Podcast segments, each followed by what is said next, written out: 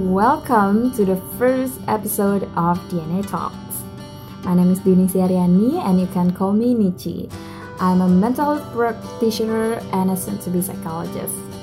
Here, I share weekly about mental health, personal growth, and lifestyle design. Uh, well, I'm so happy that I've finally step out of my comfort zone and do something hopefully meaningful for the society. Well, tujuan utama dari podcast ini sebenarnya adalah untuk meningkatkan awareness kita semua tentang kesehatan mental kita dan orang-orang di sekitar kita. I'm genuinely grateful because lately kesadaran orang-orang tentang kesehatan mental sudah jauh meningkat dibandingkan sebelumnya dan gerakan tentang kesehatan mental juga udah jauh berkembang let's say ada pijar psikologi, save yourselves, into the light, sehatmental.id. Wah, banyak lagi deh. Dan banyak orang yang mulai sadar bahwa kesehatan mental itu sama pentingnya dengan kesehatan fisik. Dan gangguan mental adalah sesuatu yang perlu ditangani dengan serius. Walaupun mungkin belum semua kemudian memutuskan untuk mencari bantuan profesional terkait keadaan kesehatan mental mereka.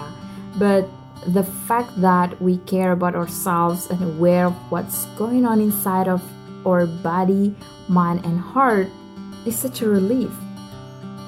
But still, mental health literacy in Indonesia masih jauh dari kata bagus. Banyak orang yang masih memandang bahwa gangguan mental itu aib, banyak orang yang masih memandang bahwa gangguan mental itu karena kurang piknik, karena kurang iman, karena kurang bersyukur, dan banyak banget stigma negatif tentang gangguan mental gitu. Dan anggapan negatif ini jadi membuat orang mungkin menyangkal tentang keadaan keadaan uh, mental mereka sendiri. Coba kita lihat ke dalam diri kita gitu. Ketika kita mungkin lagi berada di situasi yang stressful atau mungkin ada di antara teman-teman yang dengar yang mungkin punya gangguan mental atau pernah berada di situasi itu gitu how do you admit it how do you cope with that gitu dari situ kita bisa tahu nih gimana sebenarnya kita menghadapi gimana keadaan kesehatan mental di Indonesia gitu. Dan stigma itu juga bikin orang jadi enggan atau males buat cari bantuan profesional. Misalnya psikolog atau psikiater. Dan juga lebih parahnya bikin kita mendiskriminasi orang-orang dengan gangguan mental. FYI, pada tahun 2018, prevalensi atau perkiraan jumlah orang yang mengalami gangguan mental emosional di Indonesia itu mencapai 9,8% dari total populasi. Jadi kalau total populasi di tahun 2018 sekitar 250 juta jiwa, berarti ada sekitar 24 sampai 25 juta jiwa yang mengalami gangguan mental emosional. Wow. Nah, jumlah ini ternyata meningkat cukup signifikan dari tahun 2013, yaitu dari 6% ke 9,8%. Dan bayangin, tahun 2013 jumlah populasi Indonesia juga pasti lebih sedikit dari populasi Indonesia tahun 2018, right? Dan fakta menariknya, dari jumlah itu hanya 9% aja yang mendapatkan bantuan profesional dari psikiater atau psikolog.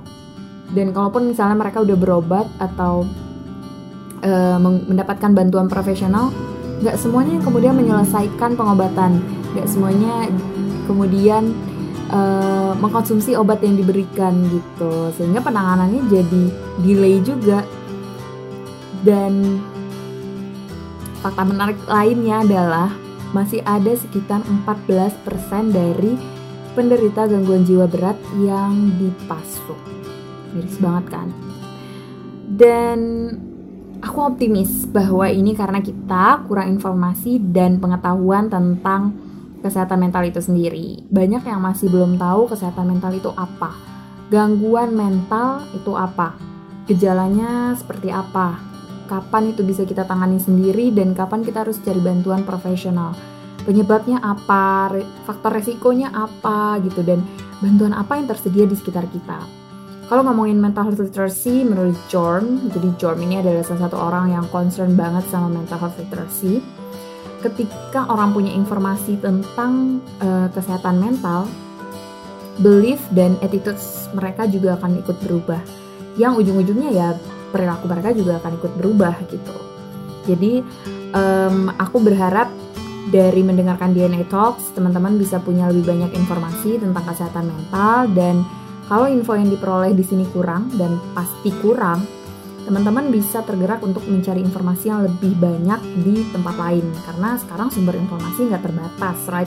Kayak dalam sekali klik kita udah punya informasi yang seluas-luasnya kayak gitu.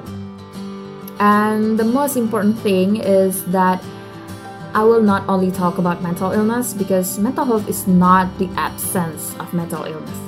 Kesehatan mental itu bukan kebalikan dari gangguan mental, tapi orang yang sehat mental itu adalah orang yang produktif, yang punya kehidupan sosial yang adaptif dan sejahtera atau bahagia secara emosional. Jadi di podcast ini aku juga akan bahas tentang personal growth and lifestyle design so we can be more productive and ultimately happy. So I hope you will enjoy this podcast. Don't forget to follow this channel and share this podcast so more people can absorb the information. And if you have any topic to be discussed or any suggestion, please let me know by drop a message in my Instagram account at winningc underscore a. And see you in the next episode. Enjoy!